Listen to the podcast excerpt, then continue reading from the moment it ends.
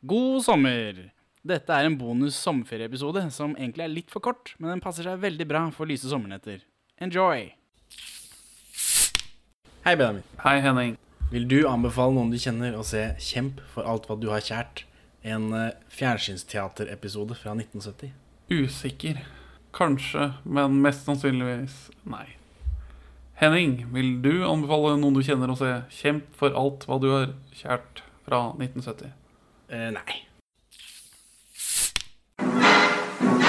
Perla for svin.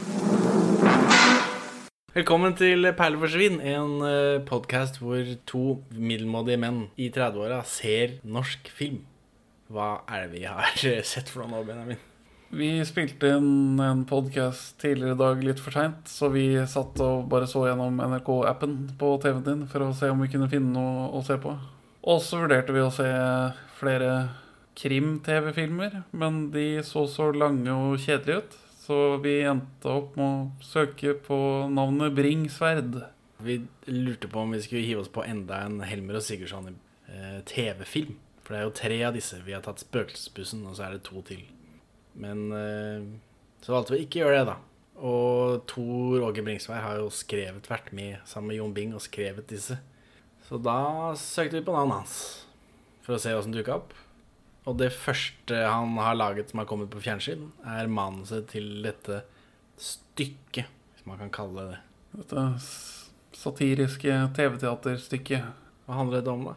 Dette handler om en vanlig norsk familie som er i en generasjonell nabokonflikt.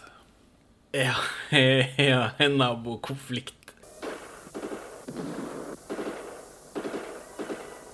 Ja, det begynner sånn tålig eh, innafor de rammene man er vant til å se eh, kjøkkenscener fra 70-tallet på. Ja, en familie sitter og spiser frokost. Eller det, det begynner med noe som skurrer. Det begynner med at, de, at far i huset eh, ringer til noen, og så sier han stygge ting i telefonen, og så legger han på. Og så går han inn, og så er det noe spising av noe frokost og noe greier. Ræva, sier han en Ja, gang. det er mye banning. Overraskende mye banning til å være fjernsynsteater. Når på døgnet gikk Fjernsynsteatret? Du gjorde et poeng ut at slutta ikke NRK for dagen klokka åtte på kvelden? Ja, nei, jeg vet ikke. Men Kanskje det var annerledes på 70-tallet. hvis man, la barn klokka, 70-tallet. hvis man la barn klokka fem, så er det vel greit å vise banning klokka sju. Ja, men det, jeg så for meg at de var mer puritanske. Fjernsynet åpner i 1963, gjør det ikke det? Det er noe sånt. Det viktigste i 1960 utvilsomt den offisielle åpningen av fjernsynet i Norge. Så syv år etterpå, da, så er det han er stygg i munnen, han far i huset her. Han eh, renner av seg Ja, med det er faen i helvete, og det er liksom ikke måte på. Så det overrasket meg. Men eh, de åpner sterkt, syns jeg, med en, eh, med, en, med en gag som jeg syns var morsom. At han, han kom med avisa, og så blir han sinna fordi det er onsdagens avis. Og nå har han fått onsdagens avis tre dager på rad, og så sier kona ja, men i går så var det onsdag. Så da var det ikke så verst. Det syns jeg er morsomt, at han har fått onsdagens, ah, onsdagens avis på tirsdag, onsdag og torsdag. Men vi har, vi har ikke helt fått info om hva og hvorfor og dette skjer. Det er bare Enn så lenge så er det eh, mystisk, holdt jeg på å si. Det er ikke så veldig mystisk, men enn så lenge så går det såpass fort i svingene. Men det er noe rart. Det er en rar familie. Det er en rar gjeng, dette. Helvete faen, se. Det, det er tredje dagen på rad at vi får onsdagsavisen.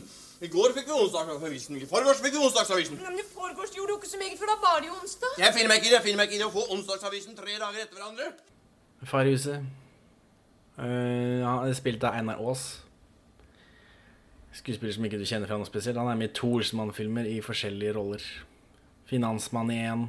Uh, kjørelærer. Han er kjørelæreren til Laud Schønmann i, i en annen. Mye god komikk når kvinner skal lære å kjøre bil. Aha. Gøy. Ramp! Svin! Og så, er, så skal far i huset på jobb, Og så kommer han raskt tilbake. Skal de ikke på arbeidet likevel? sier mor i huset. Uh, alle dekkene på bilen er punktert. Ja, alle dekkene på bilen, inkludert reservedekket. så nå begynner vi å ane at her er det noe skikkelig galt. Og jo, om, før de kommer så langt, så har de også tre ganger ringt telefonen. Eh, Altså tatt telefonen, ringt et sted og sagt stygge ting og lagt på. Ja, jeg fikk først inntrykk av at det skulle dette være en satire på hvor eh, foreldrerollen og barnerollen er eh, byttet om. Fordi foreldrene oppfører seg ganske barnslig, mens barna virker rolige og fattete. Ja, de har vel vokst opp med dette kaoset. Og så organiserer far vakthold rundt bilen. Selv om den er punktert. Så det er stramme rutiner på det vaktholdet. Mor tar førsteskift. Dattera får ikke henge med venner, hun må vokte bilen. Og så kommer far hjem fra arbeidet for å ta sitt skift. Men alt dette er bare dialog som jeg tror det er meningen skal være morsom, for de gjør det ikke. Vi ser det ikke. Det blir, ne det blir nevnt uh, litt grann senere. Hvorfor er ikke du ute og våkner bilen? Og så er det en bestefar som ligger oppe og sover. Ja, og da tenkte jeg på Hallo, hallo. jeg. Der er det en gammel kjerring som bor i annen etasje. Ja, litt psycho, litt hallo, hallo. Madonna with the big breasts. Big boobies. And in the cellar, the cuckoo clock and the painting of the fallen Madonna with the big boobies. Det er noe sånt. Jeg husker ikke farta. Jeg husker jo gamle dama som slår med stokken i, i, i gulvet. Eh, Far skal dra på arbeidet, men han går ut. Og så når han går ut, så er det noen som begynner å rope på han med sånn ropert. Fra nabohuset. På balkongen som en ropert og skriker noe. Ja, skriker stygge ting. Han, det er bare fornærmelser mot, eh, mot de som Ja. Nå, det er Naboen bor i 32, så de bor vel i 30 da, kanskje. Ja, mulig. Og så går han inn og setter på båndspilleren, for han har et ferdig budskap liggende klart til å slå tilbake med. Ja, han har en ropert eh, montert på veggen, og, og teipen klar. Med hvor fæle de folka i 32 er. Så setter de på den, og da har vi kanskje gode to minutter med ekte eh, spilletid hvor det er helt umulig å høre noe som helst, fordi de to ropertene skriker over hverandre. Ja, for det kommer en annen nabo for å klage på støyen de produserer, og det eneste som er noenlunde hørbart, er at mor i huset eh, er misfornøyd med at hun klager på de. De tar jo bare hevn for hva naboen driver med. Denne naboen er spilt av Elise Heiberg, som er moren til Lars Mjøen. Oi. Ja, eh, M i KLM. Han gamle, sure komikeren som ikke liker ny humor. Ja, nå først og fremst så er han vel kjent for å være sur nå om dagen, men før så var han jo komiker også. Ja, jeg har hørt noen rykter om det, men han er av humor, humoristblod. Ja. Var alle det i KLM? Mm, er faren det er bare han- han siste igjen, da. Gutter, Hva heter han eh, i farta? jeg heter Knut Lystad. Det er Trond Kirkevåg. Gutter! Lars Mjøen. Gutter! For faren til Trond Kirkevåg var ikke humorist, han var bare TV-personlighet.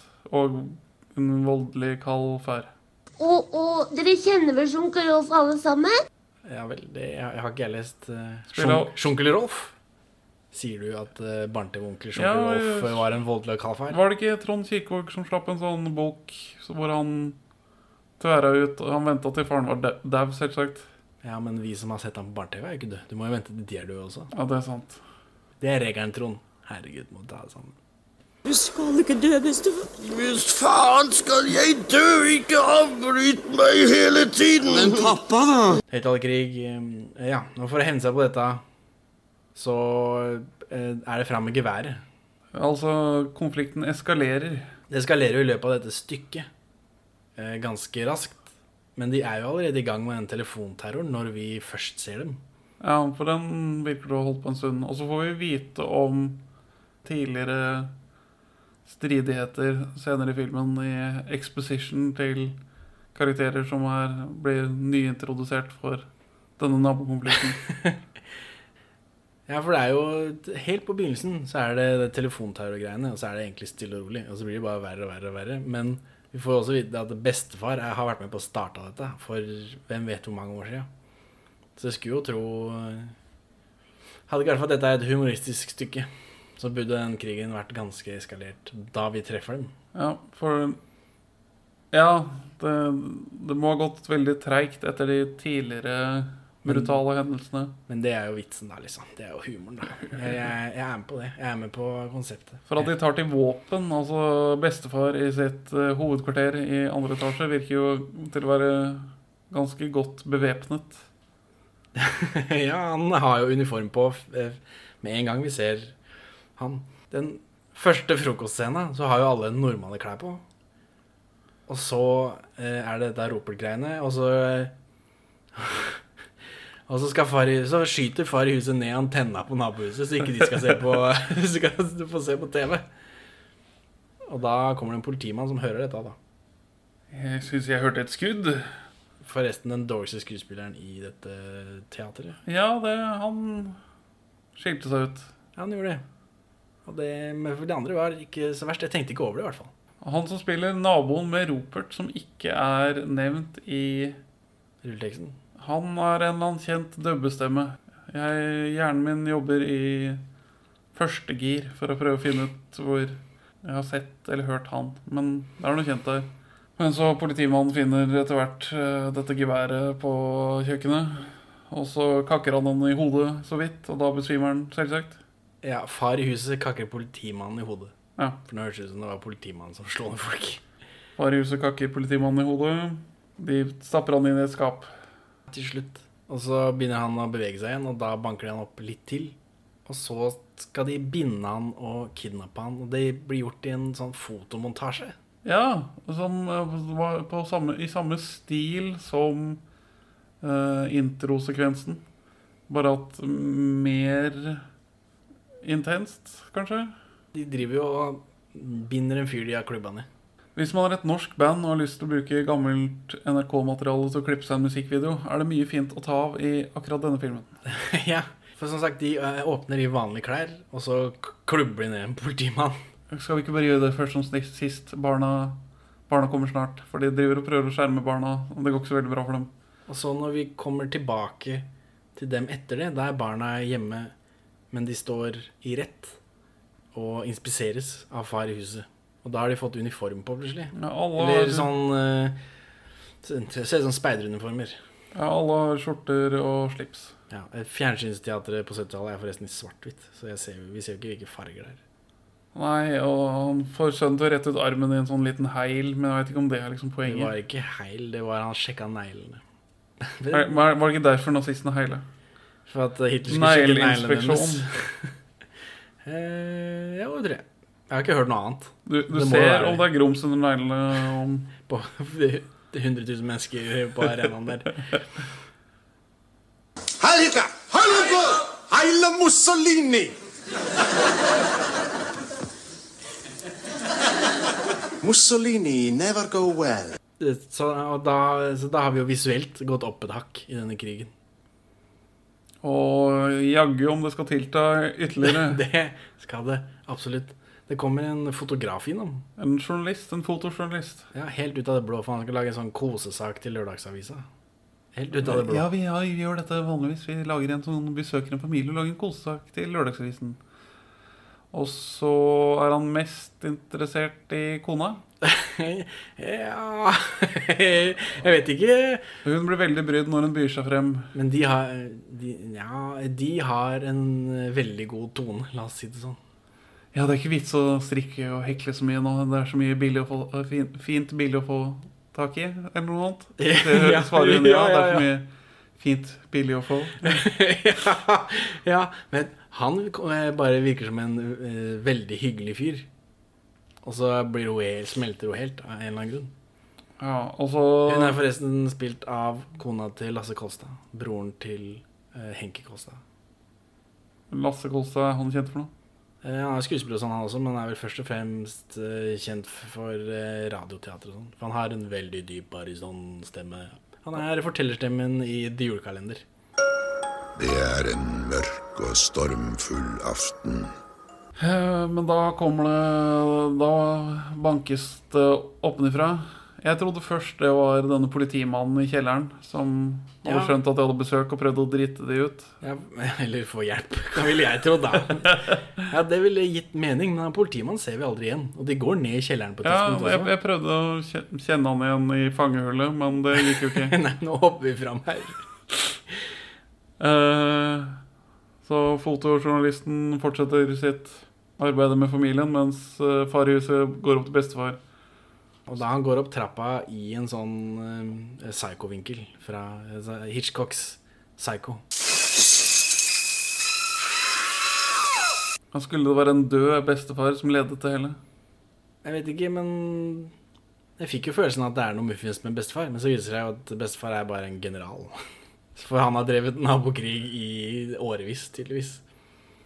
Og styrer sin eh, familie. Ja, for han bygde huset Ja, og så har det vært noe sånn tomtekrangel, og det er bare sånn vanlige ting som folk krangler om når man har naboer. Ja, for altså eh, Jeg leste nylig en artikkel om at eh, nordmenn er verre enn andre skandinaver på nabokonflikt. Ja, det kan hende. Og dette er jo en satire, men er det bare en satire på hvor at nabokrig kan eskalere i stor grad? Ja, jeg tror det. Jeg tror ikke Det er ikke noe Israel-Palestina-konflikt. Dette er tre år etter seksdagerskrigen. Ja, Hvem vet med Tor Åge? Men det var ikke inntrykket jeg fikk. Men nå går ikke jeg og tenker på seksdagerskrigen hele tida. Det gjør kanskje du. Fortell meg om seksdagerskrigen, Benjamin, og hvordan det relaterer til denne nabokonflikten i eh, Kjemp for alt hva du har kjært. Regissert av Jon Heggedal. Så jeg, har jeg tatt den nå? Altså, så det er bare en satire på hvor langt nordmenn drar det i en nabokonflikt. Vi har jo det ganske ferske tilfellet med uh, han i Bærum som skjærte uthuset til naboen i to. For han mente at halvparten lå på tomta si. Selv om det viste Helt riktig gjort. Ja, men visste ikke Ja, ja, ja. Good call. Venta til de dro på ferie, og så bare Ja, men han har jo Eller han har jo Det begynner å bli noen år siden brått. Ja, Men han men- spikra jo opp og liksom ordna sånn så ikke det bare datt fra hverandre. Men jeg tror siste runde i ankeprosessen var ferdig først i år. Og han ble dømt på alle punkter. Kan hende. Eh, Mulig han måtte litt i fengsel òg. Vi nordmenn er hardere på nabokonfliktene enn i Sverige og Danmark. Det, det er et faktum. Så var vel vi de fattigste av de skandinaviske landene frem til vi fant olje. Ja, når var det, da? Olje, det er omtrent uh, seks, Det er jo i 69, er det ikke det? Vet ikke. Er vi oljemennesker på denne tida? Nei. Vi er fortsatt fattige fiskebønder. Og det var i september 1969 at Ocean Viking og Philips-gruppen fant Ekofiskfeltet, et oljefunn som riktignok først et halvt år senere brakte Nordsjøen til topps på førstesidene i verdenspressen. Jeg vet ikke om det er bestefaren eller naboen som stiller ultimatumet, men han skrur i hvert fall opp en artillerigranat og tar ut en lang beskjed. En alvorlig beskjed. Så far løper ned igjen og er stressa for at dette er viktig, vi må ta tak i dette med en gang. Ja, men han fotografen er fortsatt der. Og Først så trodde jeg at dette var noe triks fra en nabo, men nei da, det er bare en random fotograf som skal lage en kosesak til Lørdagsavisa. Som, og han skal bare ta et siste bilde, og så driver han og får det Ja, for de tar noen bilder på kjøkkenet, og så å, man tar bilde i stua, og skal bare ta et siste et. Eller er så det- tror folk at uh, dere kun har et kjøkken. Ja. Som også kanskje er en kommentar på nordmenns fattighet, eller noe annet. Mm, kanskje, du vet ikke. Men da begynner de ved bokhylla, og så er ikke det noe særlig, syns han fotografen til slutt. Og så sender de over til peisen, og da må de krysse et vindu. Og det gjør de på alle fire. Ja, ikke bare alle fire som normale folk, men de gjør det på alle fire uten å gå på knærne. Naturligvis. Så det er vel humor i det òg, da, sikkert. Men, eh, men han fotografen eh, sier ikke noe. Jeg, for jeg, ja, her, jeg tenker fortsatt at det er noe muffens. Men så går han fotografen foran det vinduet, og så blir han skutt. og da, det er først da det tar seg opp skikkelig. Da er For nå har vi hatt litt Vi har litt sånn skjorteuniform, litt sånn speideruniform, men, eh, men nå er eh, Nå glir vi fra Fotografen ligger på stuegulvet der og, og blør masse, sier de. Dette er Fjernsynsteatret, så du får jo ikke se det, for det Ja. koster penger. Vinduet knuser heller ikke av skuddet som har gått gjennom det. Nei, for det var jo ikke et ordentlig skudd Yes. i Fjernsynsteatret. De har ikke, kan ikke knuse ruter. Jeg tror ikke de har ruter engang. Når de lukker opp døra for han skal på kontoret, så er det sånn der pappvegg med bilde av et hus. Men illusjonen er der i hvert fall. Absolutt. Ja, de, de fyrer av en del Nei, nå hopper jeg for langt igjen. Unnskyld. Kom igjen, kom igjen.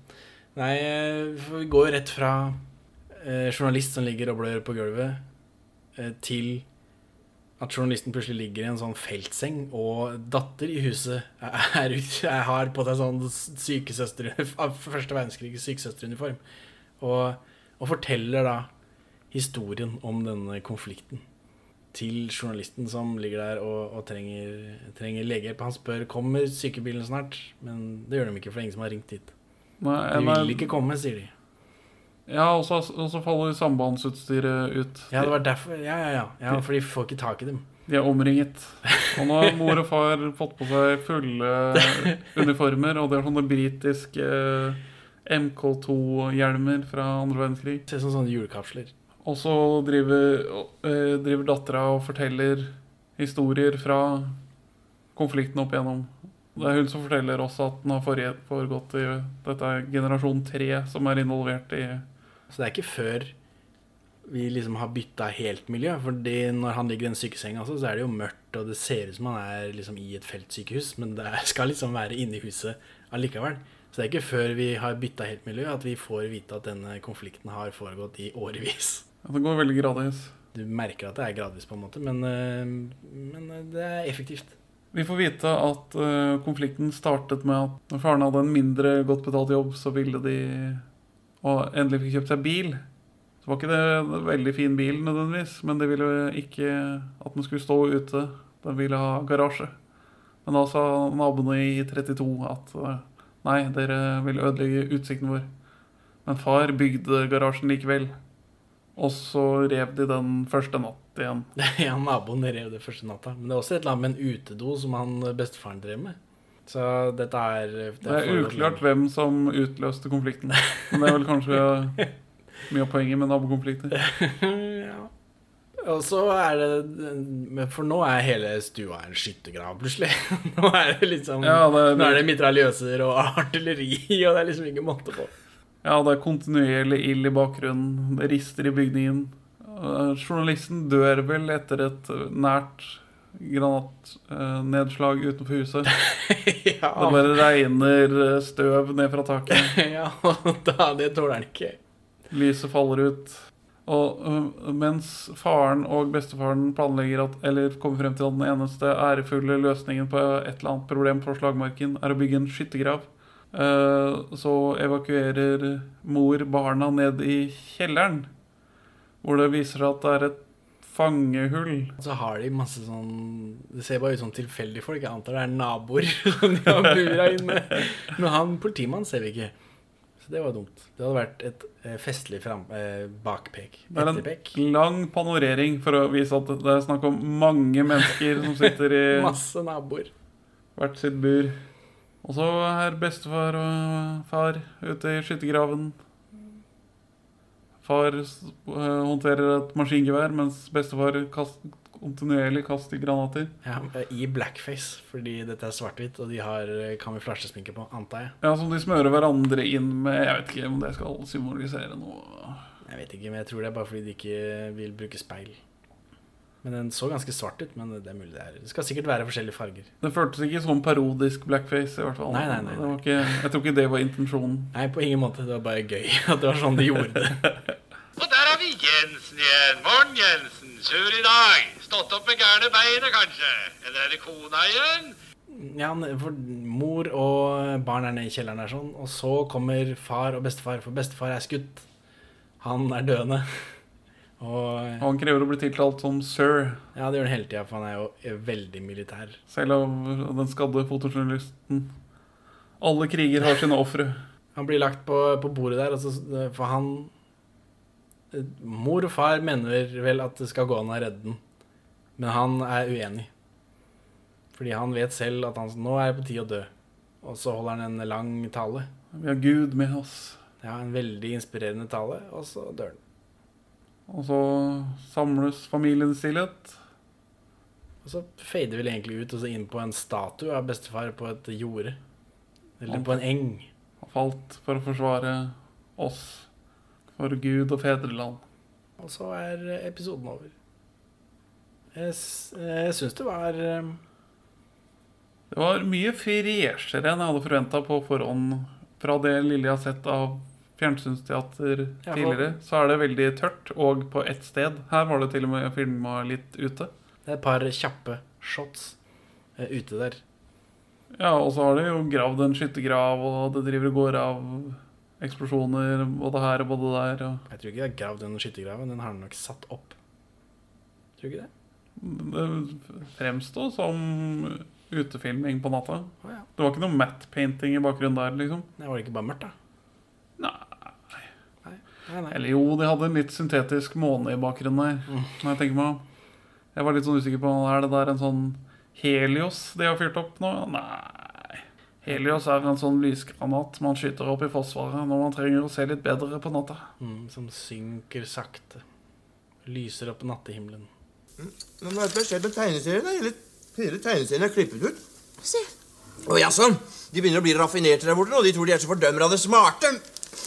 Se på knøttene, for eksempel. Ja, ja, men hele serien er jo klippet bort. Nei, det er nettopp det. Bare den siste ruta. Ja, men gjør det så meget Jeg gjør noe! Det er jo der poenget ligger, jo. Ja, ja, men du kan... Jeg ikke motsi meg. Du har da aldri forstått det på Men la tegneserier. oss ikke trette så barna hører da. Nei, men øh, jeg likte at det eskalerer og var tullete, og Og hva tenker du på når du hører fjernsynsteatret, liksom? Det er jo sånn tørre Ibsen-stykker med Liv Ullmann. Lille gutt. Død. Du får ikke lov å være død. Ah! Ah!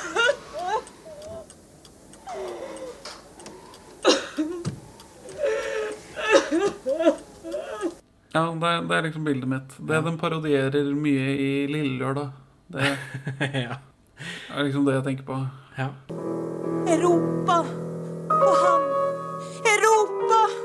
Hallo! Men han gav ikke svar. Så Tor Åge Bringsvær eh, kommer vel med noe annet, da. Han tilbyr noe annet. Ja, For det er siste episode av 1970-sesongen med Fjernsynsteatret. Mm, Jeg tror det. Den ligger iallfall sist på NRK.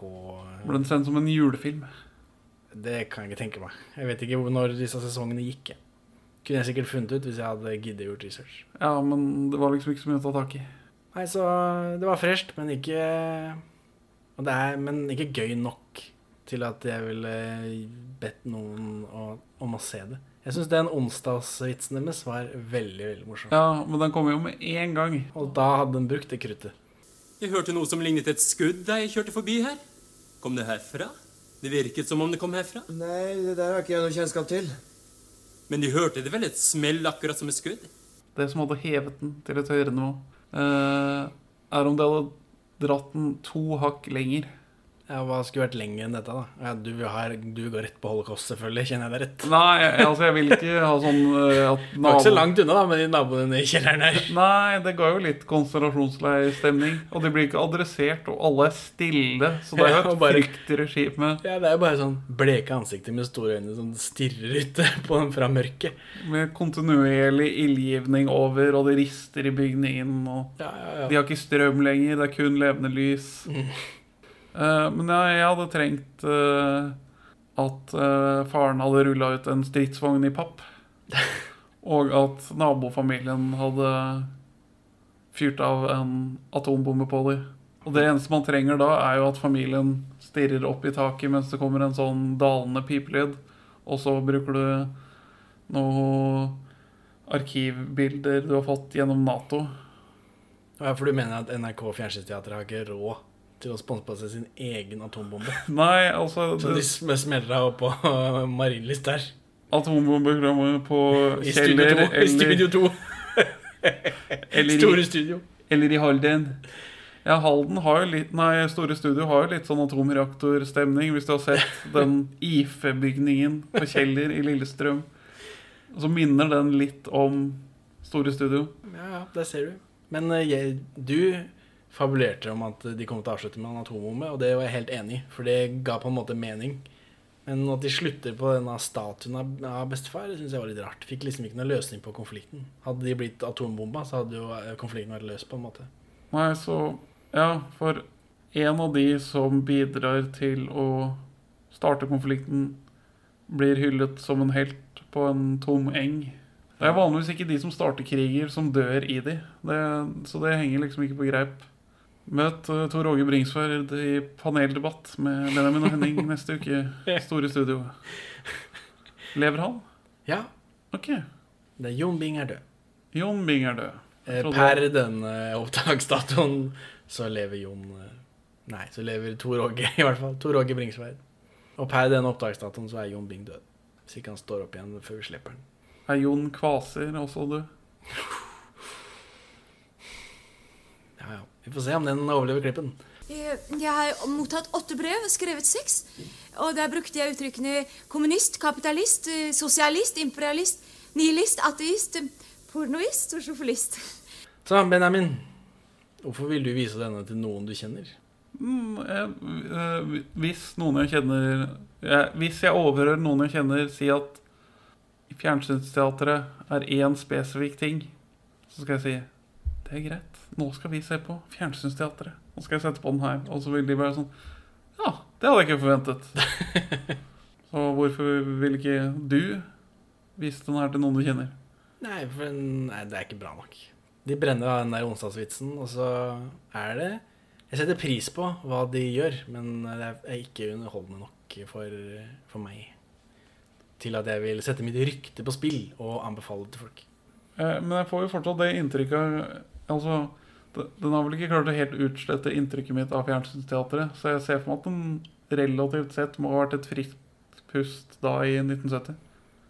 Ja, Nå har ikke vi sett så mye annen fjernsynsteater, men jeg vil anta det. Den ene Et dukkehjem-episoden læreren hadde på VHS på ungdomsskolen, Ja, gir meg det inntrykket. Det, det, ja, jeg, jeg tror jeg så den, jeg òg. Er det lerkefuglen som kvidrer der ute? Ja, det er det. Når kom ekornet hjem? På samme år så var det eh, i hvert fall Villand, et ukehjem og et eh, an, et eh, skuespill fra gresk antikken. Ja vel, da har du vært mer uheldig med, med ungdomsskolen din enn meg, men ja.